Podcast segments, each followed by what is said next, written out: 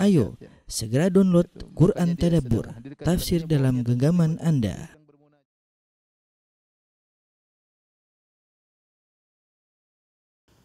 Bismillahirrahmanirrahim. Assalamualaikum warahmatullahi wabarakatuh.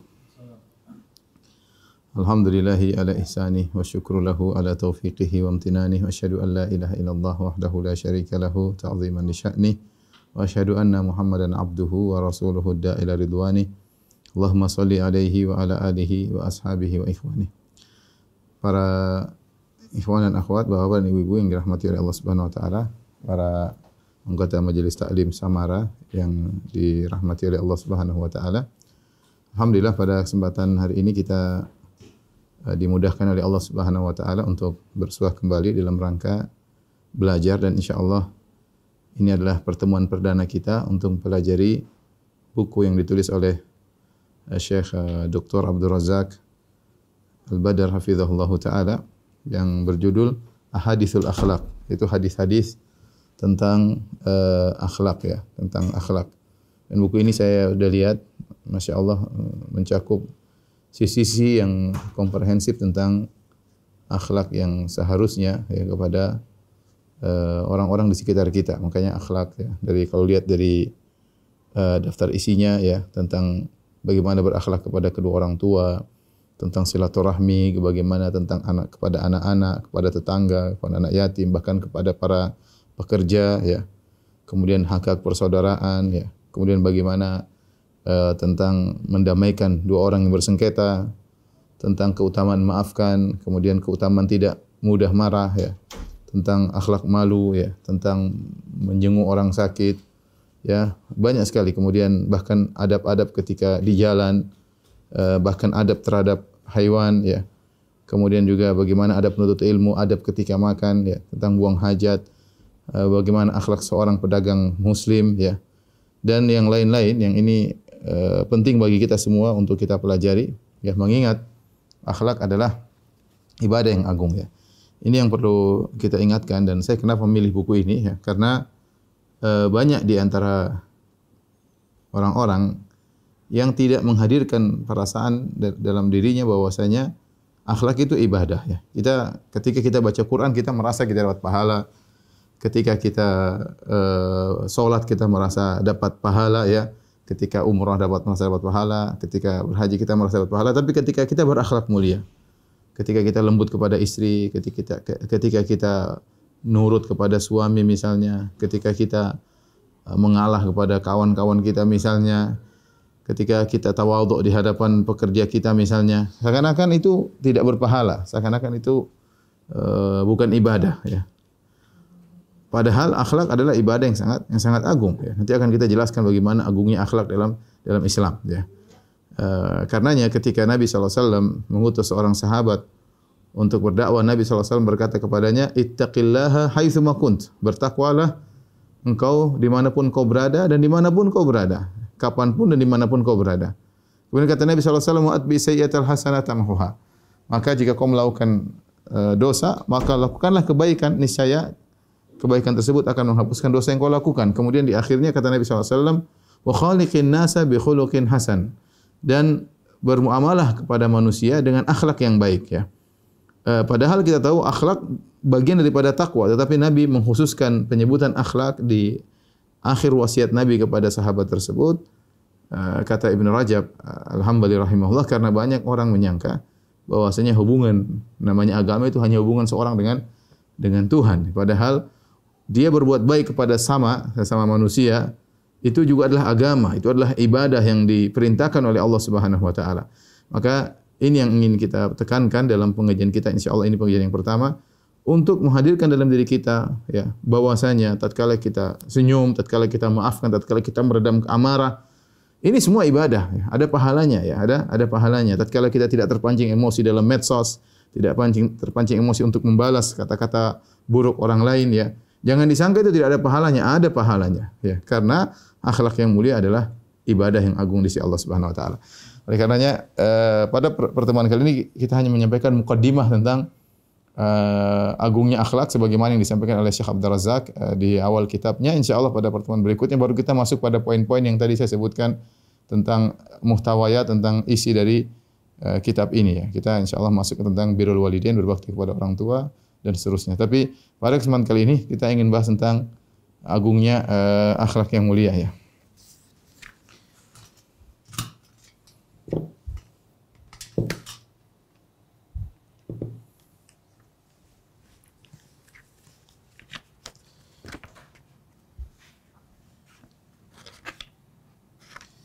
Yang pertama saya akan bahas tentang urgensinya ya. Uh, akhlak yang mulia. Ya. Ada banyak poin ya, yang menunjukkan tentang urgensinya akhlak mulia. Ya. Yang pertama,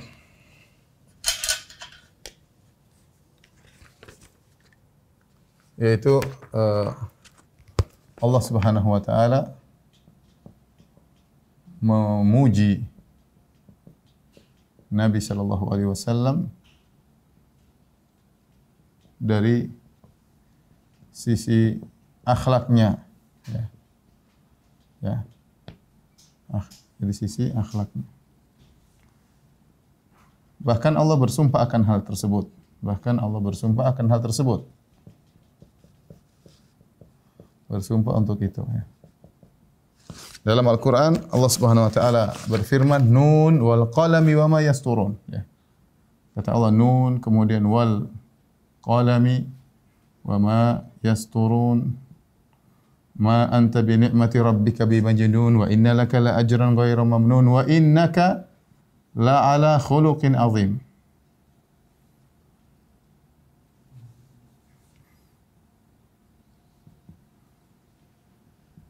Kata Allah, demi pena dan apa yang mereka tuliskan. Sungguhnya engkau ya Muhammad. Ya. Jadi Allah bersumpah demi pena dan dengan demi apa yang mereka tuliskan, ya malaikat tuliskan Ma anta bi ni'mati rabbika bimajnun. Sungguhnya engkau tidak gila sebagaimana tuduhan-tuduhan mereka wahai Muhammad. Wa inna laka la ajran ghairu mamnun. Sungguhnya engkau akan dapat pahala yang tiada henti-hentinya ya Allah. Ya ya Muhammad. Kemudian kata Allah, wa innaka la ala khuluqin azim. Sungguhnya engkau berada di atas akhlak yang agung ya. Ini Allah bersumpah sambil memuji. Sungguhnya engkau ya Muhammad berada di atas akhlak yang agung.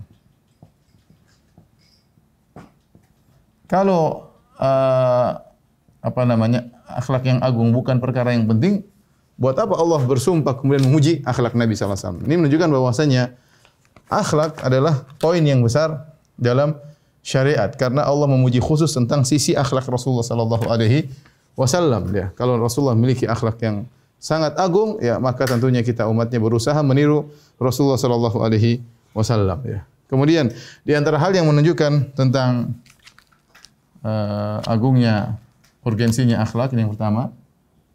Yang kedua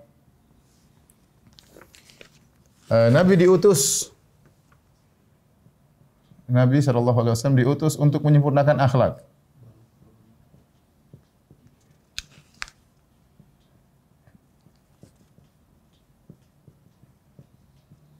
Dalam hadisnya Rasulullah sallallahu alaihi wasallam bersabda, "Innama bu'istu li utammima." Ini sering kita dengar hadis ini. Li utammima makarimil akhlak.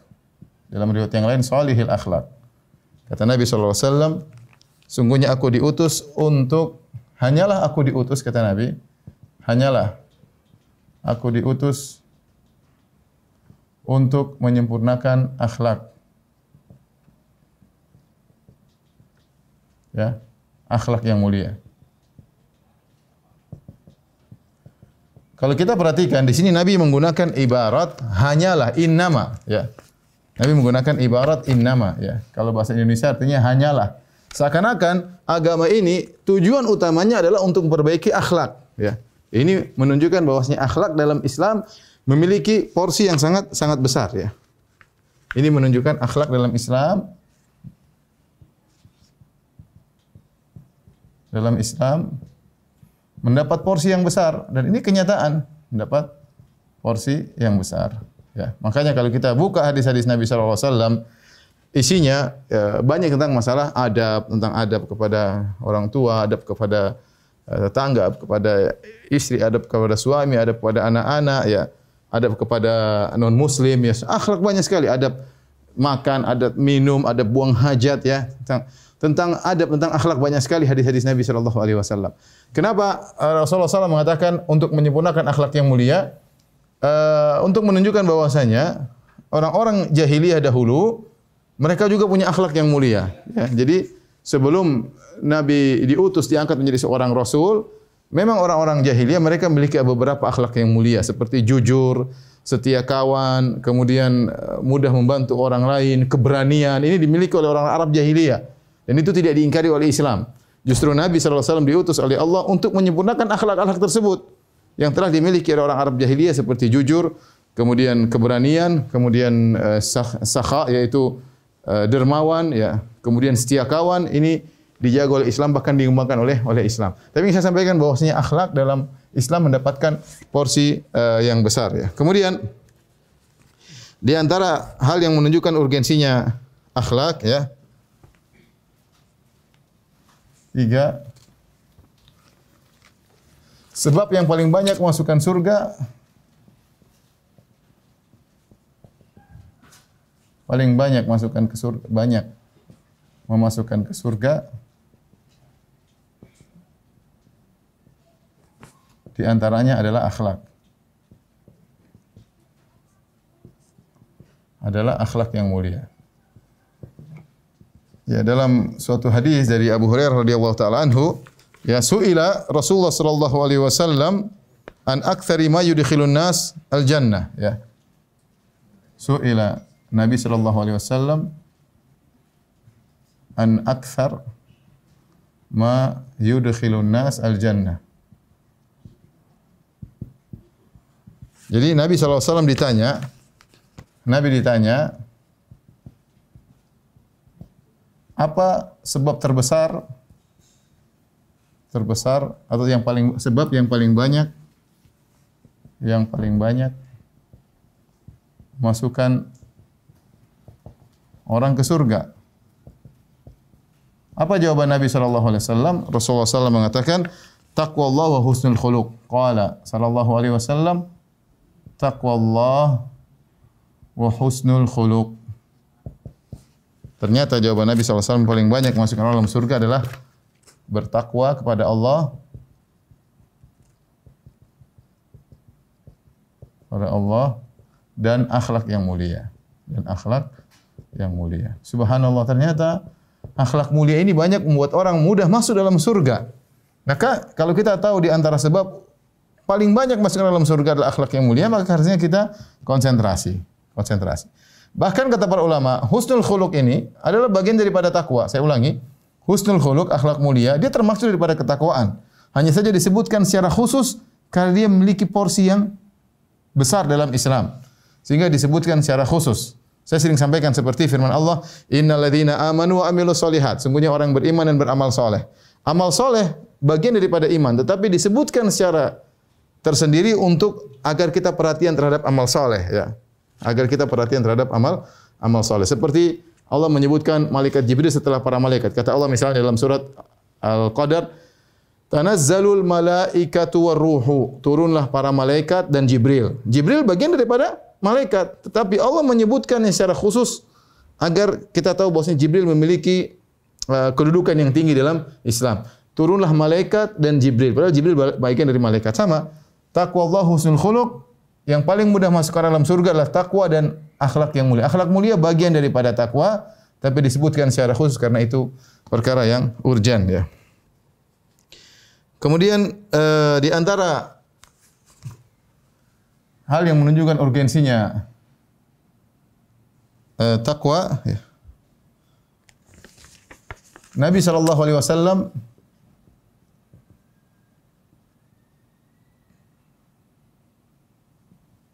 menjadikan akhlak mulia sebagai barometer sebagai barometer indikator ya tingkat keimanan. Ini perhatikan ya. Nabi SAW menjadikan akhlak yang mulia sebagai barometer tingkat keimanan ya. Kata Nabi wasallam, perhatikan akmalul al mu'minina ya, imanan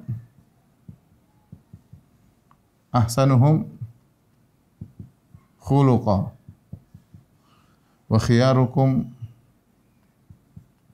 khiyarukum khiyarukum li ahlihi li nisaihim. Nisaihim. Kata Nabi sallallahu alaihi wasallam orang beriman yang paling sempurna imannya. Imannya adalah yang uh, paling bagus paling bagus akhlaknya. Akhlaknya. Dan sebaik-baik kalian sebaik-baik kalian adalah yang terbaik bagi istrinya bagi istrinya. Dalam riwayat Riwayat yang lain kata Nabi sallallahu alaihi wasallam altafuhum.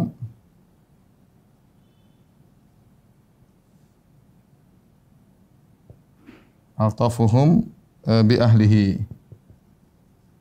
Yang paling lembut kepada istrinya. Lembut kepada keluarganya. Tapi lihat di sini, ah, di sini sangat jelas sekali. Nabi SAW mengatakan, Orang beriman yang paling sempurna imannya, yang paling sempurna imannya. Siapa? Adalah yang paling bagus akhlaknya.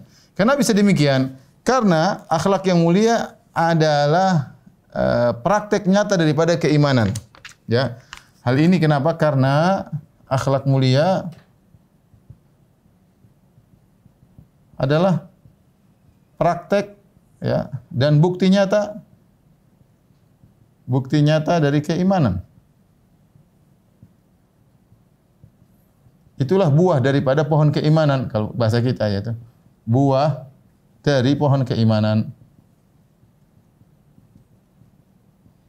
Makanya contoh seperti seorang ya sering saya sampaikan kalau orang pelit misalnya berarti dia kurang beriman ya karena Nabi SAW mengatakan wala yajtami asyuh wal wal iman fi qalbi abdin abada tidak akan berkumpul pelit dan keimanan dalam hati seseorang apa buktinya dia beriman imannya bagus dia tidak pelit saya katakan demikian juga.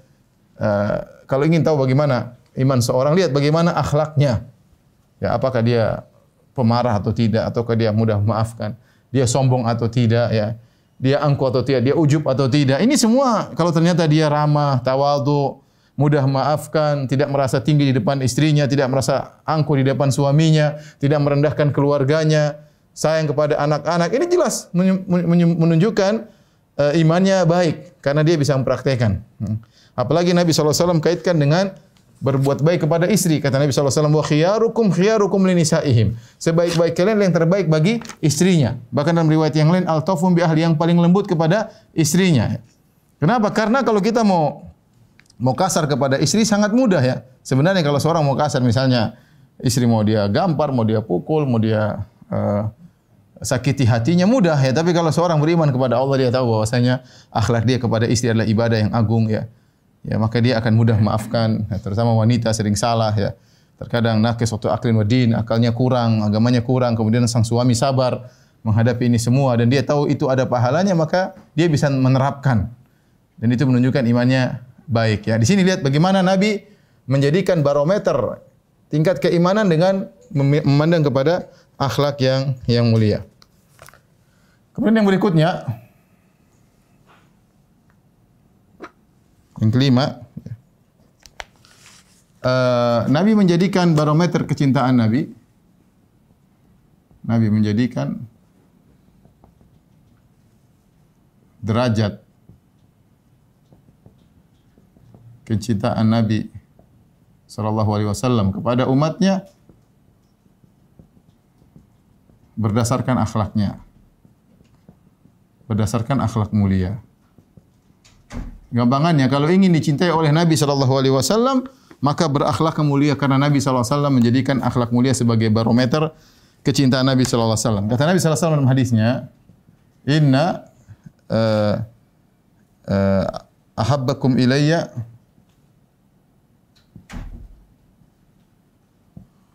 ahasinukum akhlaqa. Ahasinakum akhlaqa.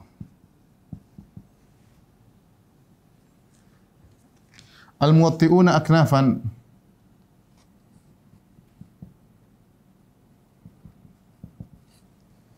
Alladzina ya'lafun wa yu'lif wa yu'lifun. Alladzina ya'lafun wa yu'lafun. Hadis ini hadis yang sahih kata Nabi wasallam, sungguhnya orang yang paling aku cintai, sungguhnya uh, yang paling aku cintai di antara kalian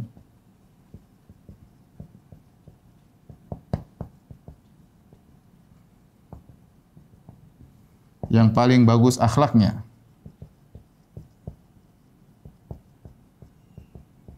Siapa itu? Kata Nabi sallallahu alaihi wasallam, yaitu orang-orang orang-orang yang membentangkan membentangkan tangannya. Tangan uh, apa namanya? Uh, bahunya atau tangannya mudah untuk bergaul dan diajak bergaul. Hadis ini hadis yang agung, perhatikan sini ya. Nabi SAW mengatakan, sungguh yang paling aku cintai. Kita kan ingin dicintai oleh Nabi SAW. Siapa yang paling dicintai oleh Nabi nanti pada hari kiamat kelak? Ya. Adalah yang paling bagus akhlaknya. Apa ciri-ciri orang yang bagus akhlaknya? Nabi jelaskan al-muwatti'una aknafan alladzina ya'lafun wa yu'lafun. Itu orang yang membentangkan tangannya, Maksudnya apa? Ya alafun mudah untuk bergaul dan mudah juga untuk diajak bergaul. Jadi orang yang berakhlak itu bukan orang yang angkat dadanya, nggak mau ngomong sama orang, biar karismatinya terjaga, tidak ada senyum sama orang lain. Sebagian orang ingin menjaga dirinya biar dia hebat tanpa senyum, tanpa omongan, cuek dengan orang lain, sehingga agar orang hormat sama dia. Tidak, orang berakhlak mulia bukan orang tawadhu. Lainil janib, mudah untuk bergaul sama orang, bicara sama orang juga tidak sombong, tidak angkuh. Oleh ketika ada seorang datang kepada Nabi sallallahu alaihi wasallam, kemudian dia bergemetar di hadapan Nabi karena lihat karismatik Nabi sallallahu alaihi wasallam, kata Nabi sallallahu alaihi wasallam, "Hawin ala nafsik." Santai saja. Lastu bimalik, saya bukan raja. Innama ana mra'atun min nisa'i min Quraisyin ta'kulul qadid. Aku ini hanyalah seorang lelaki, anak dari seorang wanita Quraisy yang juga makan uh, daging yang dikeringkan atau susu yang dikeringkan. Artinya kalau bahasa kita jangan aku bukan raja santai, aku ini seperti yang lainnya, sama-sama makan nasi, ya, gampangannya seperti itu. Jadi Nabi SAW ya tidak kemudian pasang dirinya uh, kemudian apa namanya high profile ya, eh, kemudian tidak mau bicara sama sembarang orang, kemudian enggak. Orang Nabi SAW ya, mengatakan orang yang paling Nabi cintai adalah orang berakhlak mulia alladzina ya'lafun wa yu'lafun mudah untuk bergaul, mudah diajak untuk bergaul. Bicara sama orang enak, ramah, ya. kemudian tidak merendahkan orang ya. Jadi untuk kita barometer akhlak kita yang mulia di antaranya ini. Ya. Kalau orang senang ngobrol sama kita, kalau orang serindu ketemu dengan kita, ya, maka itu berarti mudah-mudahan, mudah-mudahan itu akhlak yang mulia. Yang penting kita bukan ria. Kita berakhlak mulia, mudah, tidak merendahkan orang, menyenangkan hati orang. Kalau kita nggak ada dicari-cari, ah ini berarti insya Allah akhlak mulia. Tapi kalau sebaliknya orang tidak mau ngobrol sama kita, baru ketemu sudah sakit hati, tidak mau lagi ngobrol sama kita. Kalau kita ada, mereka merasa berat. Kalau kita enggak ada, mereka bahagia. Ini berarti kita akhlak yang buruk. Ya, orang meninggalkan kita semua ya. Ya, makanya Nabi saw dalam hadis mengatakan uh, orang yang paling buruk ya syarrun nasi manzilatan indallahi yaumil qiyamah man wada'ahu an-nas ittiqa'u fusyih.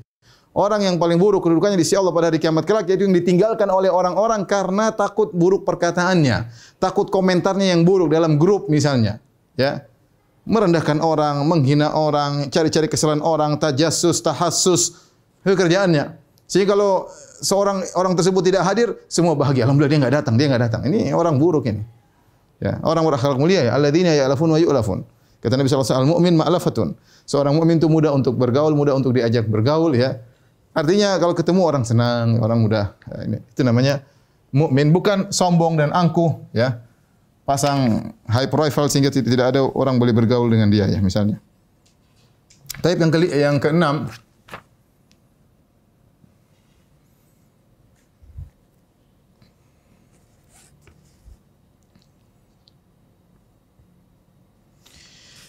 Sebagaimana Nabi wasallam menjadikan derajat kecintaan Nabi kepada umatnya berdasarkan akhlak mulia, demikian juga Nabi wasallam menjadikan barometer derajat surga juga dengan akhlak yang mulia. Dengan akhlak yang mulia. Nabi SAW dalam hadisnya ya, bersabda,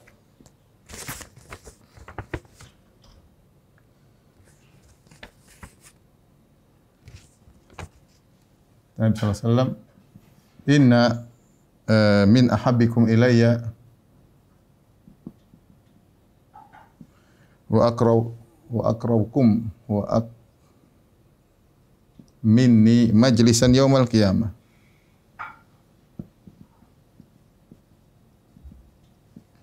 Qiyamah hasinukum akhlaqa. Hasinukum akhlaqa. Ahsan ini maksudnya jamak dari ahsan ya. Bagi yang tahu bahasa Arab. Baik, kata Nabi wasallam, sungguhnya di antara orang yang paling aku cintai yang paling aku cintai aku cintai kemudian apa yang paling dekat majelisnya denganku majelisnya denganku pada hari kiamat kiamat adalah yang paling terbaik akhlaknya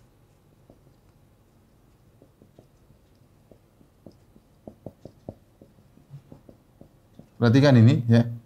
Jadi kata Nabi sallallahu alaihi wasallam ya. Sungguhnya orang yang paling aku cintai sudah kita jelaskan bahwasanya derajat uh, barometer cinta Nabi kepada seorang dengan akhlak yang mulia demikian juga yang paling dekat majelis majelisnya yang paling dekat majelisnya denganku pada hari kiamat. Maksudnya apa? Surganya paling tinggi.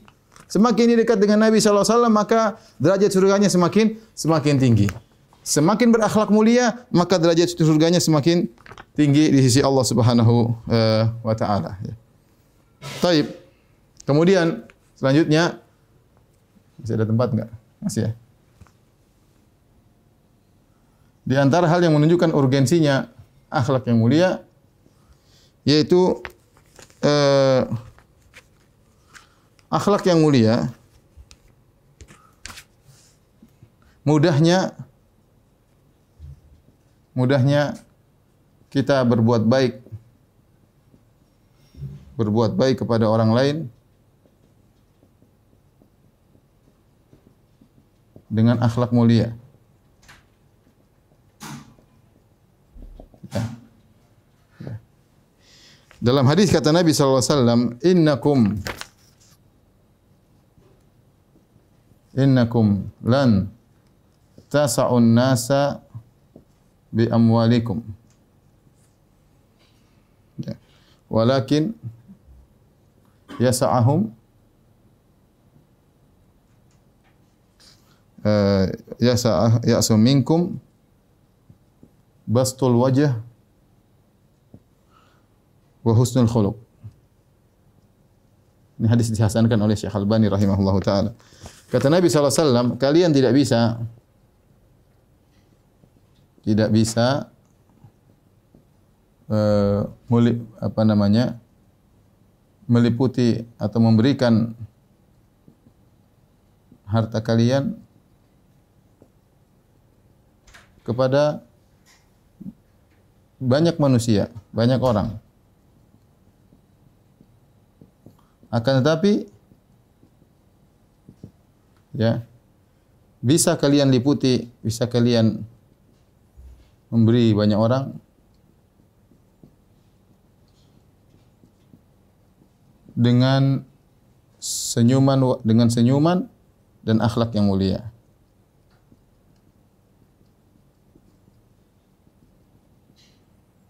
Maksudnya apa ya ikhwan dan akhwat Bapak dan Ibu rahmatillah subhanahu wa taala eh, para ikhwan dan akhwat majelis taklim Samara ya.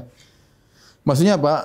Nabi ingin mengatakan innakum lan tasaunas. Kalian tidak bisa meliputi orang-orang dengan uang harta kalian. Kita mau sekaya apa pun setiap orang mau kita kasih bagi duit ya, uang kita akan habis ya. Uang kita akan habis. Kemudian susah kita juga melepas memberikan uang kepada orang tidak mudah karena kita memang dibuat secara naluri cinta kepada harta. Setiap ketemu orang kita kasih duit kasih duit kasih duit berat ya kecuali Rasulullah SAW. Rasulullah kasih duit seluruhnya harta yang dia miliki sampai tidak miliki apa-apa itu Nabi SAW. Tapi kita manusia biasa kita memang wa innahu lihubbil khairi lasyadid. Kita sangat cinta kepada harta. Mau bagi-bagi harta seluruhnya kepada orang enggak enggak enggak mampu iman kita. Tetapi kata Nabi, Kalian tidak bisa meliputi manusia dengan harta kalian, tetapi kalian mampu meliputi manusia dengan senyuman. Apa susahnya kita senyum sama banyak orang? Setiap ketemu orang, mau seribu orang, mau sejuta orang, mau di hadapan khalayak satu juta orang, kita senyum, senyum kita dibagi untuk mereka semua, tidak tidak tidak susah, mudah. Itulah akhlak mulia. Sehingga senyuman kita bisa sampai kepada sejuta orang, pahala kita dapat banyak. Kalau hartanya bagi seratus ribu aja kali satu juta sudah seratus juta, susah. Ya, susah. Duit kita tidak cukup segitu ya. Tapi kalau senyum kita bisa. Ya, kata-kata yang baik, akhlak yang mulia, kata-kata yang baik bisa didengar oleh eh, jutaan orang, bisa didengar oleh puluhan ribu orang, bisa didengar oleh ribuan orang dengan akhlak yang mulia. Jadi akhlak mulia itu subhanallah di antara keistimewaannya dia mudah kita untuk kita tebarkan. Berbeda dengan harta, ya tidak mudah kita menebarkan harta eh, kepada orang lain. Ya. Taib. Yang terakhir ya. Untuk urgensinya saya di sini. Bung ada space yang banyak. 6, 7, 8. Ya. Di antara bukti urgensinya akhlak yaitu Nabi Shallallahu Alaihi Wasallam uh, berdoa untuk diberi akhlak yang mulia.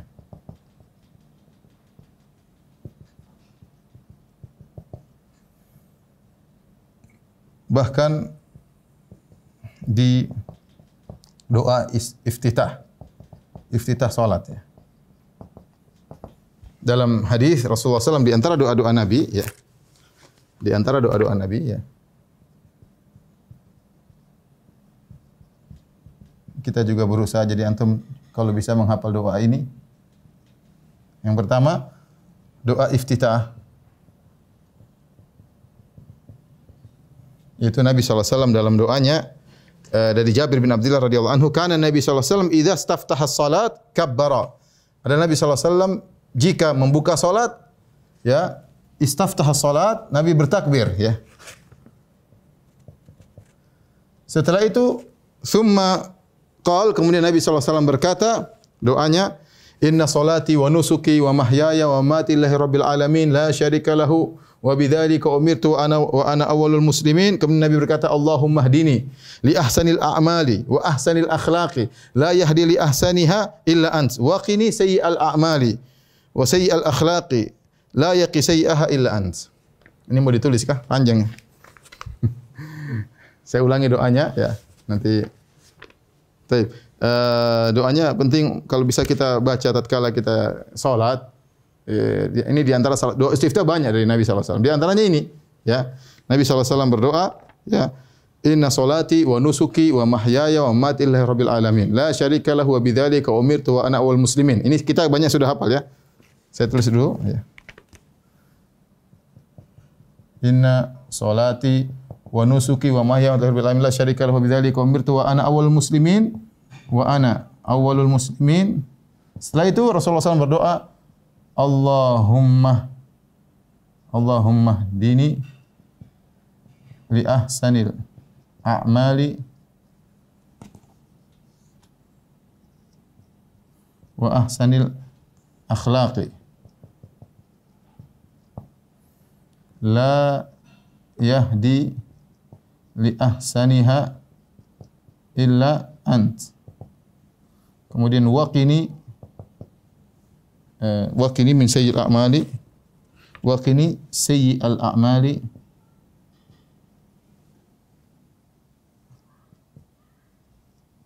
wa sayyi'al akhlaqi la yaqini uh, la yaqi sayyi'aha illa ant. Taib insyaallah nanti mulai dihafalkan sedikit-sedikit. Ini doa istiftah. Jadi Nabi baca di awal salat menunjukkan perhatian Nabi terhadap akhlak ya. Yang artinya Allahumma hdini, ya Allah berilah petunjuk kepadaku ya. Allahumma hdini li ahsani al-a'mali kepada amal yang terbaik wa ahsanil akhlaqi kepada akhlak yang terbaik.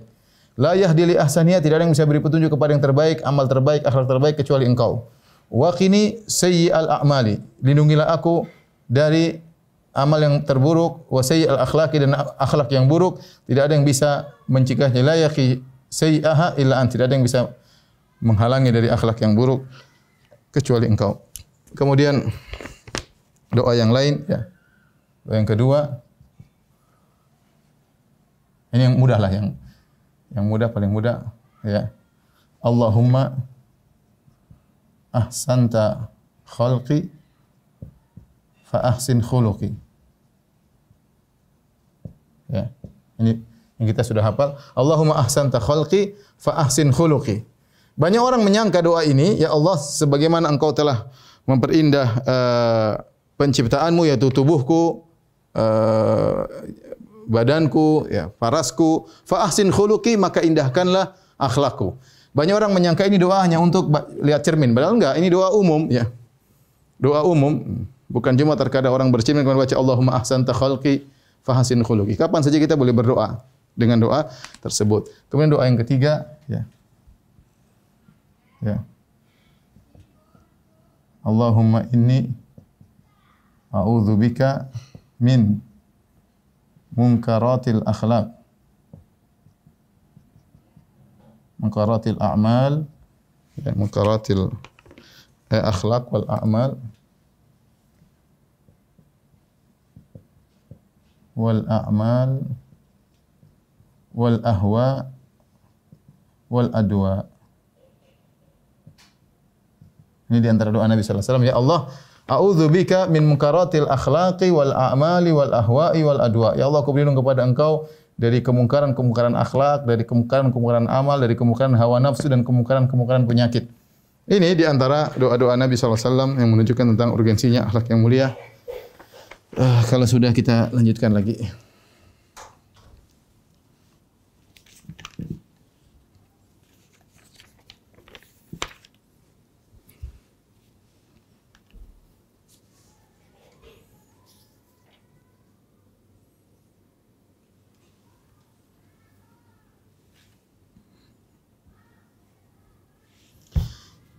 Taib uh, para misal yang dirahmati Allah Subhanahu wa taala, semua yang kita sebutkan tadi ada sekitar 8 poin yang menunjukkan urgensinya akhlak yang mulia. Ini saya sengaja memaparkan satu demi satu agar benar-benar menanamkan dalam diri kita bahwasanya akhlak mulia itu ibadah. Jadi saya sering sampai kita ini baru merasa dapat pahala kalau kita sedekah, kalau kita uh, apa namanya baca Quran, kita merasa dapat pahala. Kita bangun salat malam melawan rasa kantuk, kita merasa dapat pahala. Tapi terkadang perasaan tersebut hilang tatkala kita misalnya ngalah sama kawan. Ya. Eh, kita nggak mau ribut sudah ngalah. Padahal itu akhlak yang mulia. Kemudian kita lembut sama istri, seakan-akan ini bukan akhlak yang mulia. Padahal itu akhlak dan itu pahalanya besar. Seorang istri yang kemudian uh, mengerti dengan kondisi suaminya, seorang istri yang tadinya dia mau marah sama su istri, suaminya, kemudian dia mau angkat suaranya, dia rendahkan. Maka hadirkanlah dalam diri kita, dalam diri antum, dalam diri antuna, ya, baik suami maupun istri. Kalau kita berbuat baik kepada pasangan kita, itu ada pahalanya. Argo pahala berjalan. Argo pahala ber, berjalan. Jangan kita menyangka pahala cuma kalau baca Quran, ya. Itu maksud saya. Jadi, ini semua kesannya tadi saya paparkan sampai 8 poin agar itu benar-benar terpatri dalam diri kita. Bahwasanya akhlak mulia itu adalah ibadah. Maka hati-hati dalam bertutur kata, hati-hati dalam menulis status, hati-hati dalam komentar, hati-hati dalam ketika berbicara, hati-hati dalam bersikap. Ya, ini semua uh, adalah akhlak yang mulia dan diperhatikan oleh syariat Islam. Tapi yang berikutnya uh, beberapa perkara uh, beberapa perkara berkaitan dengan akhlak.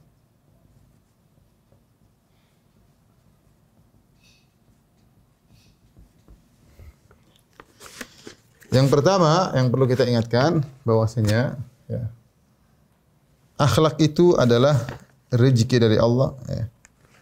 Akhlak itu mulia itu anugerah dari Allah. seperti rizki. Dan ini adalah perkataan Ibnu Mas'ud radhiyallahu taala anhu. Qala Ibnu Mas'ud. Ibnu Mas'ud radhiyallahu anhu, ya sahabat yang mulia. Beliau berkata, ya. Inna Allah Ta'ala Ta'ala qasama bainakum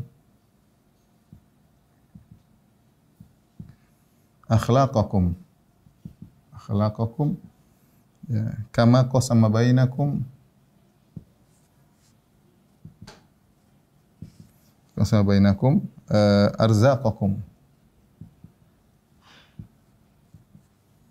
Ya. Jadi kata Ibnu Mas'ud ya sesungguhnya Allah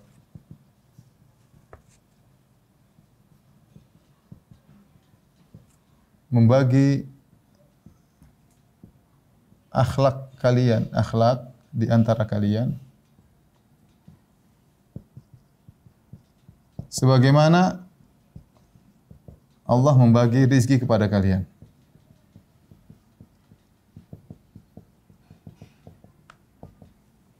Jadi analogi analogi Ibnu Mas'ud radhiyallahu anhu, akhlak itu seperti rizki. Makanya kita sekarang lihat misalnya ada orang kaya, ada orang uh, apa namanya uh, hartanya banyak, ada yang sedikit, ada yang setengah sedang-sedang. Itu akhlak pun demikian. Ya. Ada orang akhlaknya tinggi, ada orang akhlaknya bejat. Maksudnya kalau harta hartanya sedikit, ini akhlaknya bejat.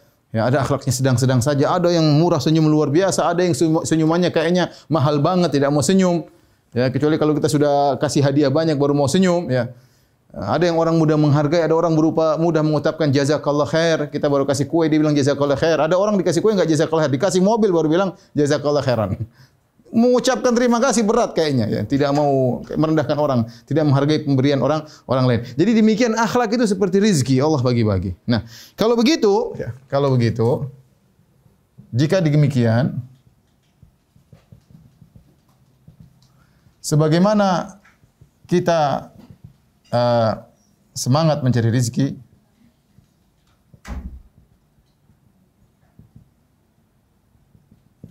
bersandar kepada Allah dalam mencari rizki.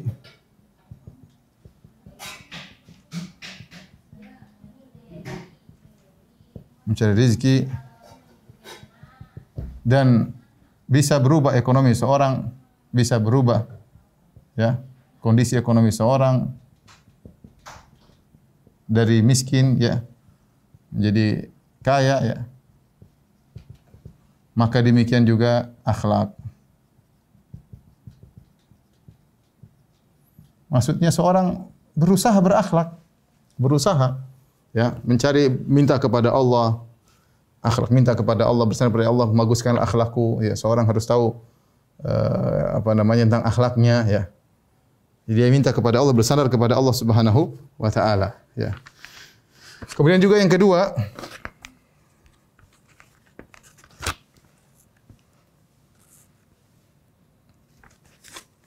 Akhlak ada dua. Akhlak uh, akhlak baik, akhlak akhlak baik ada dua model. Ada yang namanya jibilli. Jibilli kalau bahasa kita ya, dari sananya.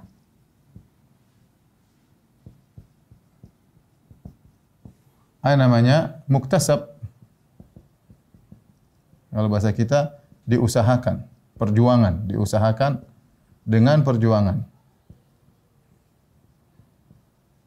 Rasulullah SAW pernah berkata kepada Asyaj Abdul Qais, Rasulullah SAW, Inna fika la khaslatain ahabbahum Allah. Wahai Asyaj Abdul Qais, pada dirimu ada dua akhlak yang Allah cintai, yaitu al-hilm wal anat, yaitu tidak terburu-buru, tidak tergesa-gesa dan mudah memaafkan. Ya. Maka dia bertanya, uh, apakah ini ya takhallaqtu bihima am jabalani Allah alaihima. Ya Rasulullah ini dua akhlak yang mulia ini, apakah aku yang berusaha berakhlak seperti atau dari sananya Allah kasih kepadaku? Maka dia mengatakan, Allah kasih engkau dua akhlak tersebut. Oleh ini tidak pati ada sebagian orang dari sana yang penyabar. Sabar, ya, mungkin dari suku tertentu, sukunya penyabar atau dia tumbuh dari keluarga tertentu, keluarganya penyabar sehingga di, di ijek orang dia tidak mudah tersinggung, dia sabar. Ada orang dari sana yang pemalu. Dari sananya memang malu, kemudian uh, apa namanya kalau berkata milih-milih tidak ceplos-ceplos. Dari sananya yang begitu. Ya. Luar biasa kita dapat sebagian orang sabar luar biasa. Ada yang ini orang kok bisa sabar kayak gini. Rupanya kita mungkin dari suku yang berbeda atau mungkin dari dari apa namanya lingkungan yang berbeda. Kita tinggal di lingkungan orang yang kasar, mungkin orang yang suka teriak-teriak. Sementara dia tinggal dalam lingkungan yang tenang. Dari sananya Allah kasih dia seperti itu ya ada. Dan itu akhlak bagus kalau seorang punya akhlak yang baik dari sananya, ini bagus. Tapi ada juga akhlak yang baik dengan diusahakan. Ini perjuangan dengan diusahakan. Dan ini pahalanya besar ya. Nabi SAW bersabda dalam hadisnya ya, ana zaimun bi baitin fi a'lal jannah liman hasana khuluquhu. Kata Nabi SAW dalam riwayat seperti itu ya. Aku menjamin menjamin uh, istana di atas surga bagi orang bagi orang yang memperbaik memper, memperbagus akhlaknya. Memperbagus akhlaknya. Ya kenapa saya ingin sampaikan ini karena jadi dari sini kita tahu akhlak mulia bisa kita raih dengan dari sananya ada orang dari sana yang baik ada akhlak mulia kita bisa peroleh dengan perjuangan dengan perjuangan. Dari pelit menjadi dermawan, dari pemarah menjadi orang penyabar, dari pendendam menjadi jadi pemaaf. Mungkin. Apakah mungkin? Mungkin. Ya, kalau tidak mungkin ngapain syariat menyuruh kita untuk berakhlak mulia? Oleh karenanya di antara bentuk kesombongan, orang kalau kita tegur mau saya dari sini begini, saya memang begini. Kalau kita ente jangan jangan sombong. Oh, saya memang begini orang. Ente jangan suka marah. Oh, saya memang begini orang tidak bisa berubah. Dari sananya saya diciptakan pemarah. Itu orang sombong seperti itu. Akhlak bisa berubah. Ya ada orang pelit jadi baik, jadi jadi dermawan. Contoh, dia bergaul dengan orang-orang yang dermawan. Dia tadinya pelit-pelit teman-temannya sekitarnya mudah sekali mengeluarkan uang, bahkan orang lebih miskin daripada dia ternyata lebih dermawan. Bisa jadi merubah dirinya melihat pelajaran langsung di hadapan matanya, ya. Sebaliknya orang dermawan bisa jadi pelit, ya. Gara bergaul dengan orang-orang pelit akhirnya ikut-ikutan pelit. Ya. Karenanya di antara di antara hal yang menakjubkan ya. Ini sering saya sampaikan. Jadi saya pernah pergi ke suatu daerah, Kemudian saya diundang oleh seorang kawan. Orang tersebut kita diundang makan rame-rame, dihidangkan makan enak, kita makan. Eh kemudian apa ya tuan rumahnya murah senyum. Tuan rumahnya murah senyum, kata-katanya halus. Setelah kita selesai pulang, saya ditegur sama kawan. Kata dia, "Ustaz, ya, antum tahu si fulan? Iya, yang tadi yang undang kita makan ya. Ustaz itu orangnya itu dulu wah, pemarah, suaranya kasar. Sekarang antum lihat, lemah lembut, murah senyum. Saya bilang, "Kok bisa demikian?" Saya juga nggak tahu, Ustaz. Sampai-sampai kalau dia belanja sama saya, dia beli barang ke saya orang itu, kemudian dia tawar dengan murah senyum, saya nggak bisa nolak tawarannya, saya kasih mesti harga murah. Kenapa? Karena dia murah, murah senyum. Jadi mau saya ada contoh orang yang pemarah, sih jadi jadi misalnya kita apa namanya kawan, ada kawan kita pemarah kita bilang, "Akhi, jangan suka marah ya, akhi." Saya memang dari sana enggak, itu enggak benar, itu dari setan. Orang bisa merubah dirinya. Memang tidak tidak semua perangai bisa berubah. Kalau ini sudah perangainya, tapi bisa berubah kalau orang berjuang bisa dari pelit jadi dermawan, dari penakut jadi pemberani, bisa saja. Ya, tapi itu semua perjuangan. Bahkan Nabi memberikan pahala yang besar aku menjamin istana di surga bagian atas bagi orang yang memperbagus uh, akhlaknya ya. Uh, kemudian di antara perkara yang perlu kita ingatkan juga di sini ya bahwasanya akhlak mulia. Ya. Tapi saya ingatkan, eh, terus bagaimana bagaimana cara berakhlak yang mulia? Nanti akan kita bahas di akhir insyaallah ya. Uh, akhlak mulia ya sangat mudah mendatangkan pahala. Pahala. Karena banyak waktu kita digunakan untuk bermuamalah.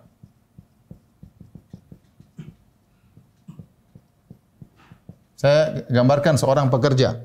Seorang pekerja, pegawai, dia keluar dari rumahnya jam 8 sampai di kantor, maka dia ketemu dengan bosnya, dia ketemu rekan rekan kerjanya, dia ketemu dengan customer misalnya, kemudian dia ke masjid. Ini saya seorang laki-laki, saya tahu seorang dia seperti keluar dari rumah misalnya jam 8 sampai di kantor mungkin jam 9. Kemudian dia ketemu dengan kawan-kawan, dia senyum, ngobrol, kemudian dia kerja dengan baik, bagaimana dengan bosnya, dengan customer bagaimana misalnya, kemudian waktunya ke masjid dia ke masjid ketemu dengan kawan-kawan ya. Kemudian dia pulang mungkin jam 5 sore ketemu dengan istrinya, ketemu dengan anak-anaknya. Saya bilang waktu kita untuk ibadah sedikit tidak banyak. Kapan waktu kita untuk sholat? Sholat cuma sebentar, 5 menit, 5 menit, 5 menit, 10 menit, 10 menit, 10 menit. Baca Quran mungkin satu halaman, dua halaman per hari kalau kita mau rutin. Zikir pagi petang 15 menit, 15 menit cuma sebentar. Waktu kita kebanyakan untuk bermuamalah. Ya, saya ini banyak waktu saya bermuamalah dengan istri, dengan anak-anak, dengan pembantu, dengan supir, ya, dengan audiens, ya, dengan kawan-kawan banyak. Jadi Nah, kalau seorang sudah berjuang kemudian dia setelah mencapai derajat akhlak mulia, ini semua yang dia lakukan muamalah ini semua adalah argo pahala baginya. Dia ketemu istrinya, duduk, ngobrol, argo pahala jalan. Kenapa dia sedang berakhlak mulia dengan istrinya dan dia niatkan karena Allah Subhanahu wa taala. Dia ketemu anaknya, satu anaknya menangis, ingin dipeluk oleh dia, dia peluk, dia elus-elus kepala anaknya, dia kasih nasihat. Akhlak mulia, argo pahala jalan terus. Jangan Anda sangka pahala cuma baca Quran. Jangan Anda sangka pahala cuma ya sedekah, ya cuma sholat malam tidak Anda ramah sama istri, ramah sama suami. Eh, kemudian apa namanya? perhatian sama anak-anak, berakhlak mulia sama kawan, sama pembantu, sama supir, sama yang lainnya, itu semua akhlak mulia. Nah, kalau kita lihat ternyata banyak waktu kita bukan untuk beribadah kepada Allah, tapi kebanyakan kita adalah muamalah. Nah, kalau kita sudah berjuang sampai pada derajat akhlak mulia, bayangkan betapa banyak pahala yang akan mengalir kepada kepada kita. Makanya saya nukilkan perkataan Syekh Sa'di dalam judul dalam bukunya Risalah fil Akh, fil Husnil Khuluq dia mengatakan wa innahu fi nafsihi ibadatun azimah. Sungguhnya akhlak itu pada zatnya adalah ibadah yang agung. Tatanawalu min zamanil abdi waqtan tawilan. Yang akhlak mulia itu mengambil waktu hamba dengan waktu yang banyak. Ya benar. Kebanyakan waktunya habis untuk bermuamalah. Kalau dia beribadah dengan akhlak mulia maka pahala dia arko jalan terus. Meskipun dia tidak sedang sholat. Bayangkan pahala jalan terus. Meskipun dia tidak sedang uh, apa namanya uh, baca Quran, meskipun dia tidak sedang salat malam, meskipun tidak sedang bersedekah, ya. Tetapi karena dia berakhlak mulia sana sini argo pahala jalan jalan terus, ya. Wa huwa fi rahatin wa naim ma'usil ajra azim. Sementara dalam kondisi tenang, tentram dan pahalanya besar. Ini di antara keistimewaan akhlak mulia, dia mengambil waktu kita yang banyak. Jadi ya, uh, waktu kita banyak untuk berinteraksi dengan orang lain. Dengan orang lain. Baik istri, istri, ya, anak, ya, kolega, ya, bos, uh, partner, ya, pembantu, dan lain-lainnya. Kawan di masjid, kawan pengajian, dan lain-lain. Kalau kita berakhlak mulia, mulia, maka argo pahala jalan terus. Argo pahala jalan terus.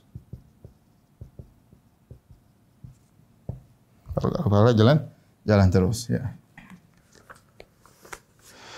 Kemudian ikhwan, ya. Selanjutnya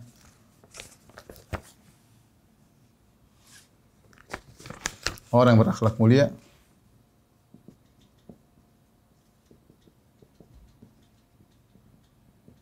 selain dapat pahala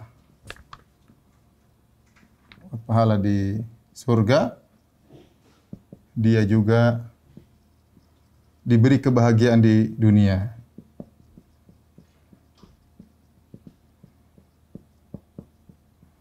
Oleh karena yang saya Sa'di rahimahullah dalam bukunya tersebut dia menyebutkan beberapa faedah dunia, faedah duniawi bagi orang yang berakhlak mulia.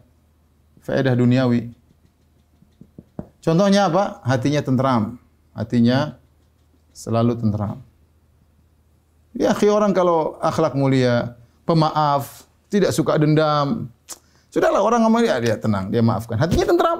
Tapi kalau orang dendam, hatinya jengkel, membara, terbakar hatinya dan tapi kalau dia selalu maafkan, dia hatinya baik, maka dia senantiasa hatinya selalu tentram ya. Kemudian di antaranya menjadikan yang jauh menjadi dekat. musuh, menjadi kawan.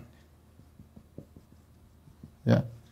Orang kalau berakhlak mulia, ya dia mudah untuk misalnya guru, yang mudah untuk ngajarin. Kenapa dia berakhlak mulia?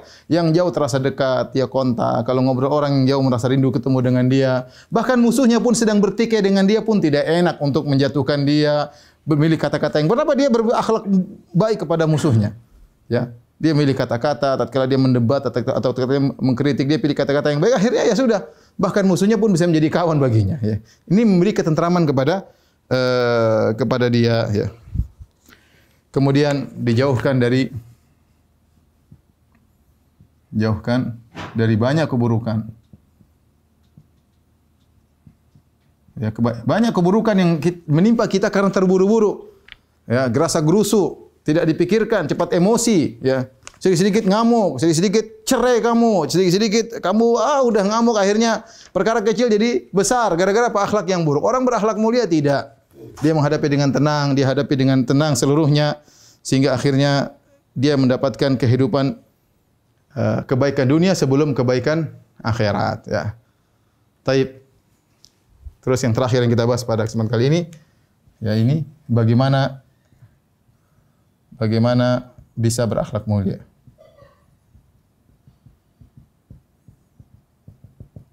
Syekh Abdul Razak hafizahullah taala dalam kitabnya di penutup dari mukaddimah ini semua dia mengatakan ada beberapa poin. Yang pertama adalah berjuang untuk memperbaiki niat.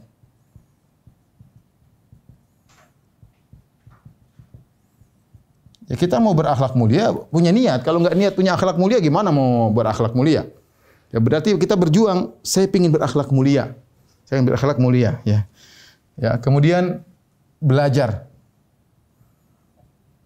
Belajar tentang akhlak mulia. Ini yang sedang, yang sedang kita lakukan. Akhlak mulia. Sekaligus belajar tentang akhlak buruk untuk kita hindari. Untuk dihindari. Sekarang apa namanya kalau orang tidak belajar dia tidak tahu dia akhlaknya baik atau atau buruk. Setelah kita belajar, setelah kita belajar kita benar-benar apa bahasa ini periksa fahs itu kalau bahasa Arab itu kita mengadakan pemeriksaan yang detail terhadap diri kita. Kita ini sebenarnya apa? Coba kita scan, scan diri kita. Scan diri kita ya. Scan diri kita. Kita ini coba pelit nggak? Iya pelit. Suka marah nggak? Coba bikin daftar. Daftar akhlak buruk saya apa? Begini. Periksa. Oh saya suka merendahkan orang. Saya suka suudzon. Saya suka merendahkan istri. Saya suka merendahkan suami. Banyak kalau kita mau periksa. Kita kalau meriksa orang gampang. Orang itu begini begini gampang. Periksa diri kita. Sekali-sekali scan diri kita. Kalau anda nggak mampu scan, suruh istri scan diri anda. Sayang, tolong scan diri akhlak saya. Oh, suami baru keluarlah istri akan ente tuh begini, Anda tuh begini suamiku. Oh, keluar semua scannya, scannya teliti. Kita kadang kalau scan diri kita nggak tahu scan orang lain, masya Allah luar biasa. Jadi kita belajar tentang akhlak yang mulia. Ya. Setelah itu kata Syekh Abdul Razak, hafizahullah taala, berusaha, bermujahadah, bersungguh-sungguh mempraktekkan. Berusaha mempraktekkan. mempraktekkan.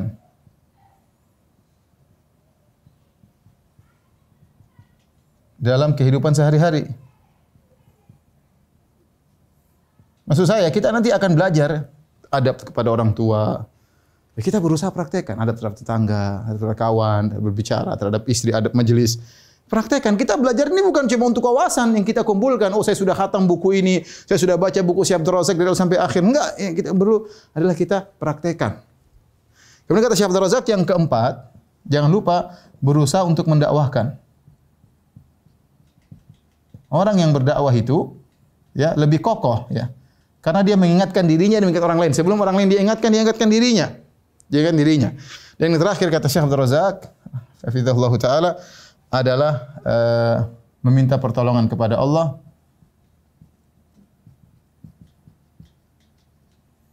kepada Allah dalam melakukan poin-poin tersebut. Di antaranya dengan berdoa-doa tadi yang sudah kita kita jelaskan. Inilah para pemirsa, para uh, ikhwan dan akhwat Majelis Taklim Samara yang bisa sampaikan pada kesempatan kali ini. Selanjutnya kalau ada yang bertanya saya persilahkan. Insya Allah pertemuan berikut kita sudah mulai dalam tentang birrul walidain, tentang akhlak berbakti kepada orang tua dan itu juga butuh pembahasan yang yang panjang ya. Kalau ada yang bertanya saya persilahkan wallahu taala a'lam bisawab. Baik, Ustaz, materi yang diberikan. Baik, uh, kita lanjutkan untuk sesi tanya jawab. Ustaz, ada uh, Aki Safar yang akan membacakan pertanyaan-pertanyaan yang sudah masuk. Silakan Aki. Baik. Assalamualaikum warahmatullahi wabarakatuh, Ustaz. Ya, Waalaikumsalam warahmatullahi wabarakatuh. Insya Allah ada beberapa uh, pertanyaan, kurang lebih 22 pertanyaan, tapi mungkin uh, kami usahakan untuk uh, buat seharinya saja, Ustaz. Ya, Karena mungkin temanya kurang lebih sama. ya. Pertama, pertanyaan pertama adalah apakah beda antara akhlak dengan adab? Itu Ustaz. Eh, akhlak dan adab ya sebenarnya kan eh, akhlak mungkin lebih luas, adab mungkin lebih kalau penggunaan istilah para ulama adab lebih luas, tapi sebenarnya dia sangat mirip antara adab dengan akhlak. Sebenarnya sangat mirip ya. Tetapi biasanya orang mengatakan adab bermajelis, adab eh, makan, adab minum, tapi sebenarnya semua termasuk daripada akhlak. Ini sekedar istilah saja. Salah satu dari penerapan akhlak adalah adab. Salah satu penerapan akhlak adalah adab. Kalau kita bicara akhlak terkadang kadang lebih luas, tapi eh, seperti akhlak kepada diri sendiri, akhlak terhadap Allah. Tapi sebenarnya itu juga sering diungkapkan dengan kata adab ya. Makanya ketika para ulama membahas tentang buku-buku yang berkaitan dengan akhlak, mereka juga sebutkan buku-buku adab ya, buku-buku eh, buku-buku adab ya.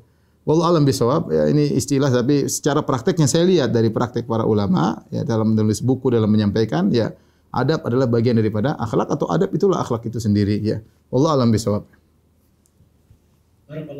Hmm. Kemudian Ustaz, pertanyaan selanjutnya adalah mengenai akhlak kepada orang tua. Mungkin bahasan berikutnya gitu. Ya, insya Allah sabar, insya Allah ya, sabar ya. Ini kita baru mukadimah ya. Ya. Iya, jangan sampai baru mukadimah sudah pada gugur ya.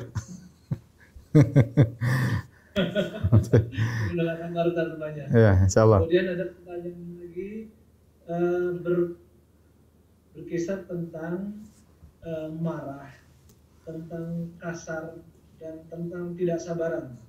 Walaupun berbagai macam latar belakangnya. Hmm. Ada yang marah karena latar belakang keluarganya begitu, Sat. Hmm. Jadi sering dimarahin orang tua, kemudian dia juga refleks begitu. Hmm. Ada yang memang dari lingkungannya, Hmm. ada yang akhirnya membuat dia jadi kasar, tidak sabaran. Ada yang dia ingin eh, sebenarnya melihat sebuah kemaksiatan atau membuat melihat sesuatu yang tidak baik, tapi membuat dia jadi tidak sabar. Ya. Karena dia jadi marah-marah gitu. Nah, bagaimana menyikapi sifat marah, sifat kasar dan sifat tidak sabaran ini? Sabar ya, perjawaban saya sabar. Insya Allah ada pembahasannya tentang akhlak yang buruk marah ya, insya Allah. jadi jadi sabar insya Allah ya. Ya. Sabar. Baik. Baik. Kemudian ada lagi Ustaz. Bagaimana adab kita terhadap eh, teman kita yang murtad?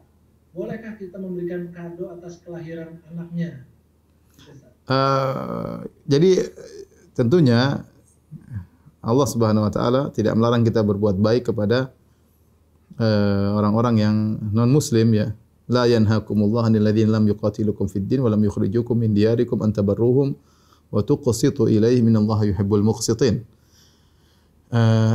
Sungguhnya Allah tidak melarang kalian berbuat baik, berbuat adil kepada orang-orang yang tidak orang-orang kafir yang tidak eh, mengusir kalian dari negeri kalian, tidak musuh kalian dalam agama kalian ya. Tidak mengapa.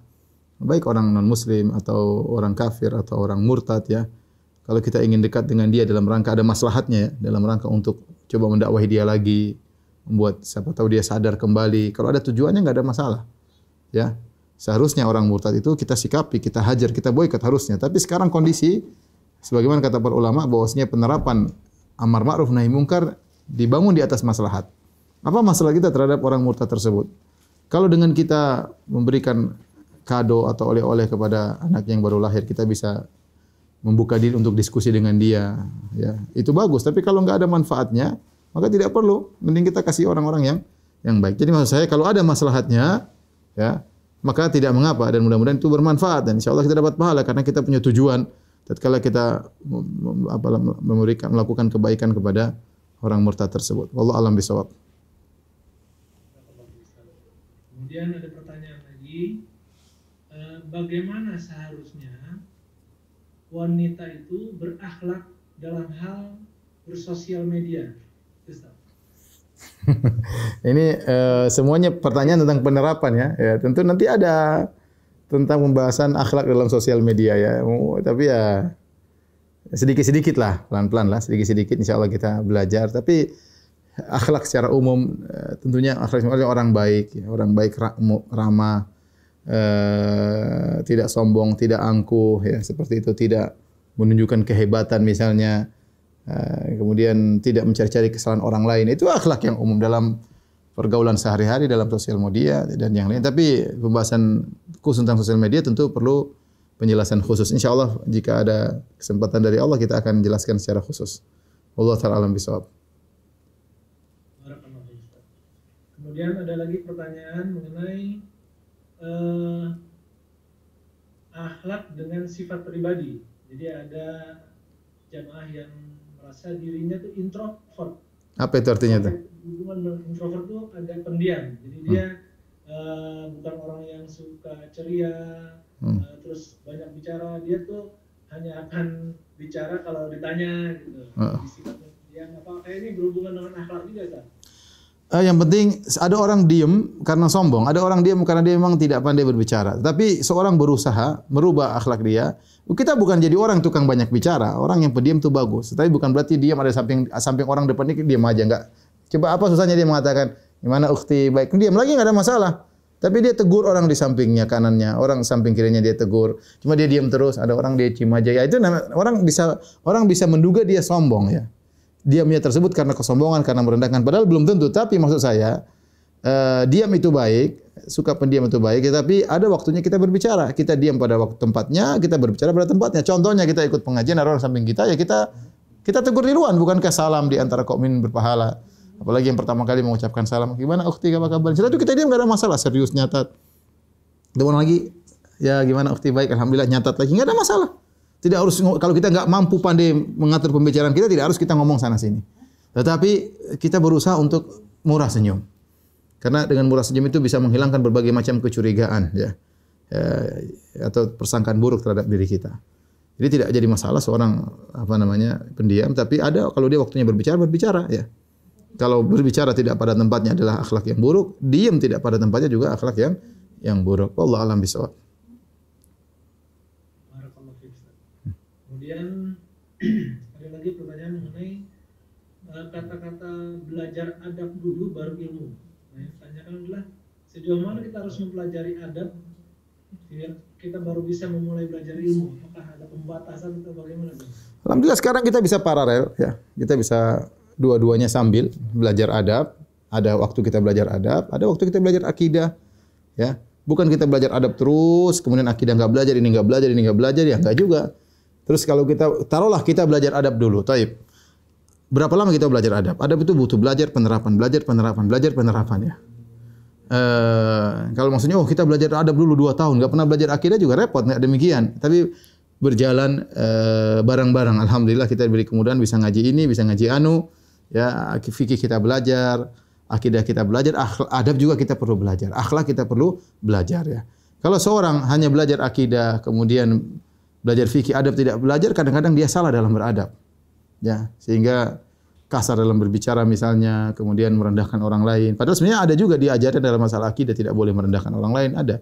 Tapi dia perlu pelajaran khusus. Makanya para ulama membuat buku-buku khusus tentang akhlak seperti ada ada Al-Adabul Mufrad karya eh, Imam Bukhari rahimahullahu taala dan juga yang lainnya. Eh, jadi eh, sebaliknya kalau dia cuma belajar adab tidak belajar eh, akidah dan yang lainnya kadang-kadang dia keliru juga ya dia menyangka semuanya benar, dia menyangka semuanya ti- tidak ada yang salah. Eh, kemudian akhirnya dia husnuzon tidak pada tempatnya eh, dan dan sebaliknya. Jadi eh, dua-duanya dipelajari ya eh, adab kita pelajari, akidah kita pelajari, fikih juga kita pelajari, masing-masing ada porsinya. Wallahu alam bisawab. Kemudian ada pertanyaan tapi agak keluar sedikit dari pembahasan. Apakah berkenan Ustaz? Enggak menyimpang. Ini Iya. tentang sholat Ustaz. Nah, apa coba pertanyaannya apa?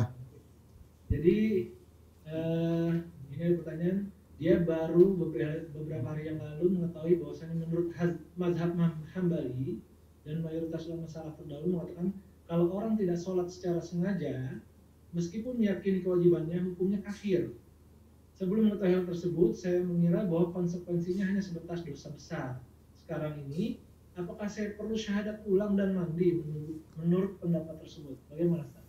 Oh, dia dulu mungkin ya sih bertobat aja udah cukup bertobat ya. Ya apa namanya? eh kalau dia dahulu eh karena itu itu masalah khilafiyah, masalah antara madhab Syafi'i kemudian madhab Hambali, madhab Jumhur dan yang lainnya ya tentang orang yang meninggalkan sholat karena malas, kafir atau atau tidak ya. Yang dia lakukan dia bertobat kepada Allah dan alhamdulillah kalau dia sudah sholat sudah selesai. Kalau sekarang dia rajin sholat sudah selesai, nggak nggak perlu lagi dia syahadat mandi nggak perlu ya karena apa yang dia pendapati juga adalah pendapat para ulama sebenarnya mengatakan selama dia masih meyakini wajib tidak keluar dari Islam. Ya dan dia mungkin berjalan di atas pendapat tersebut. Sekarang dia baru tahu oh ternyata ada pendapat yang mengatakan sengaja meninggalkan sholat eh, bisa kafir meskipun merasa hukumnya wajib ya. Tapi kalau sekarang dia sudah rajin sholat ya sudah. Nah, sudah alhamdulillah dalam sholat pun dia bersyahadah syahadu alla ilaha illallah wa syahadu anna abduhu wa rasuluh maka sudah cukup ya cukup. Allah alam bisawab. Kemudian eh, yang terakhir Ustaz ya. Ya. Ini ada jamaah yang sudah hijrah, sudah mengenal sunnah dengan baik, tapi ternyata tiga tahun belakangan ini dia susah sekali merasakan manisnya iman, mungkin sedang futur gitu Ustaz. Mungkin Hmm. ada yang bisa Ustaz sampaikan untuk mengatasi masalah. Eh, memang kalau apa namanya eh, manisnya iman perlu perjuangan ya, perlu perjuangan ya. Berjuang untuk bangun malam misalnya ya, menahan rasa kantuk. Kita bangun pasang alarm kemudian kita bangun itu Allah akan berikan kita manisnya iman. Ya, karena kita ada perjuangan. Allah menilai perjuangan kita ya Allah. Saya ingin dapat manisnya iman bangun sebelum subuh satu jam atau setengah jam kemudian kita sholat berdoa kepada Allah minta agar diberikan manisnya iman dalam hati kita ya. Itu itu perlu perjuangan. Di antara manisnya iman kita bisa peroleh dengan kita berjuang dengan kita cinta dengan harta tapi kita ingin melakukan suatu karena Allah Subhanahu wa taala. Kita bersedekah atau misalnya sekarang lagi apa musim eh, sebentar lagi musim eh, korban kita punya uang. Aduh saya beli HP atau korban nih HP nggak begitu perlu. Udah korban aja lah. Duit saya belikan korban. Ada perjuangan ya. Kapan kita memiliki perjuangan? Namun karena Allah Subhanahu wa taala insya Allah Allah berikan apa? Berikan kita manisnya iman ya. Karena benar seorang terkadang merasakan manisnya iman dalam salatnya terkadang manisnya iman tersebut dicabut oleh Allah Subhanahu wa taala. Ada yang salah dalam diri kita. Harus kita segera perbaiki. Kita perbaiki. Tapi di antaranya dengan tadi minta kepada Allah dengan kita ada pengorbanan-pengorbanan yang kita lakukan di jalan Allah Subhanahu wa taala. Taib, eh, ini tadi pertanyaan terakhir ya. Kalau boleh satu lagi Ustaz? Eh, Boleh terakhir. terakhir yang kedua. Taib. Jadi terakhir nih benar-benar terakhir Hmm. Eh, gini Ustaz, apakah bisa seandainya kita tingkatkan kualitas ibadah makhluk kita, bisa secara otomatis meningkatkan kualitas akhlak kita? Eh, sebenarnya sebenarnya iman kaitannya dengan akhlak, tetapi itu but- butuh eh, kita kan ilmu seperti kita kan belajar belajar. Ilmu belum tentu kita terapkan. Ada contoh suatu golongan yang mereka punya ilmu yang tidak menerapkan Yahudi. Dia punya ilmu, dia tahu tentang keimanan tapi dia tidak terapkan. Deh. Jadi masalah. Eh, makanya ketika seorang belajar niatnya apa? Niat untuk menerapkan atau sekedar hanya untuk mencari wawasan ya. Kemudian kalau sudah dapat dia terapkan satu persatu enggak? Karena itu butuh latihan. Maka mungkin terjadi seorang dia mungkin rajin beribadah, sholat, tapi akhlaknya tidak tidak baik ya. Bisa jadi ini dan ini terjadi. Ada orang masya Allah ya, kalau masalah sholat sah pertama ya. Kemudian kalau pengajian rajin ya, kalau nulis tentang sunnah juga masya Allah. Tapi waktu bayar utang nggak pernah bayar utang. Ya. Nggak ada akhlaknya uh, utang dikejar-kejar ya, kayaknya nggak merasa bersalah ya. Ada orang seperti begitu. Berarti memang dia nggak belajar, mungkin dia tidak tahu tentang bahaya misalnya berhutang. Bahwa situ adalah adab yang sangat penting, mendolimi orang itu bahaya ya. Jadi dia hanya mungkin hanya belajar sebagian ya. Padahal seperti Nabi mengatakan matalul ghani zulmun. Orang yang menunda-nunda bayar utang padahal dia punya uang, dia berbuat zalim. Semakin dia menunda-nunda, argo zalimnya jalan terus ya. Kalau dia nggak belajar, mungkin dia nggak tahu ya. Mungkin dia nggak tahu. Tapi memang seharusnya kalau orang beriman dan belajar tentang eh, adab-adab ya, seharusnya ada konsekuensinya bareng-bareng itu. Semakin dia beriman harusnya akhlaknya semakin baik. Tapi tadi ini butuh belajar. Ini butuh belajar dan butuh penerapan. Tadi yang disampaikan oleh Syekh Abdul Razak, Hafizahullah Ta'ala niatnya harus benar. Kemudian kedua belajar, kemudian belajar mempraktekkan. Dan semua itu minta pertolongan kepada Allah.